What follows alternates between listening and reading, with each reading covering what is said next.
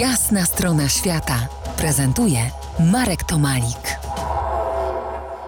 Wspominamy dziś Anię Czerwińską, która odeszła od nas końcem stycznia. Himalajstka z wielkimi osiągnięciami, ale przede wszystkim urocza osoba, o czym już y, rozmawialiśmy e, dziś po jasnej stronie świata.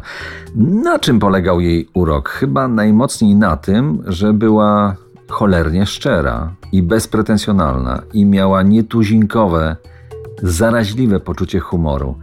Zastanawiam się nad tym, ale też i podpytuję Romana Gołędowskiego, wydawcy książek Ani, który chyba znał ją znacznie lepiej niż ja. Taką była osobą, że ona e, bardzo celnie, e, zwięźle potrafiła skomentować dany fakt. Oczywiście później konfrontowałem e, opowieści z tych naszych sesji albo z poprzednimi książkami Ani, albo z opowieściami innych osób i no zdarzało się, że, że ten obraz z innej strony oglądany był no, troszeczkę mniej barwny, a nawet kiedy za nią to była raz śmieszna sytuacja, kiedy e, no, swój atak na Everest i po raz czwarty wtedy, kiedy weszła na Everest i wtedy no, pewne rzeczy tak troszeczkę na swoją stronę poprzyciągała. No to to były drobiazgi, ale powiedzmy ile miała tlenu w butli, e, kiedy włączyła ten tlen, czy, czy jaki był przepływ, no pewne techniczne rzeczy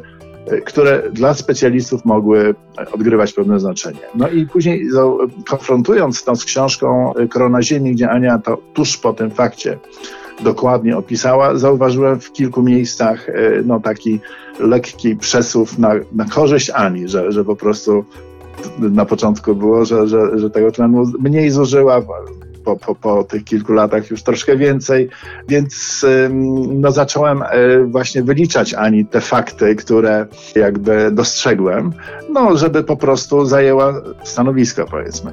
Na co Ania do mnie huknęła. A co ty, z SB jesteś, czy, czy jakiś ubek, e, że mnie tak dokładnie tutaj świdrujesz? Więc no, czasami Ania potrafiła swoje argumenty dosyć mocno Wspomniałeś o Everestie, a z kolei mnie się przypomina rok 2006. Wraz z Anią Czerwińską zostaliśmy zaproszeni do obrad y, jury travelerów, nagród przyznawanych przez National Geographic. Pamiętam mowę Ani, która uzasadniała, że zdobycie Everestu to już nie jest wyczyn sportowy, co najwyżej marketingowy w sensie pozyskania funduszy na zdobycie góry, która dziś bardziej przypomina śmietnik usłany ludźmi w kolejce po szczyt szczytów. Zawsze szczera i bezpośrednia, zawsze ze zdrowym poczuciem humoru, nigdy nie kryła swojego wieku i miała subtelny dystans do swojej osoby.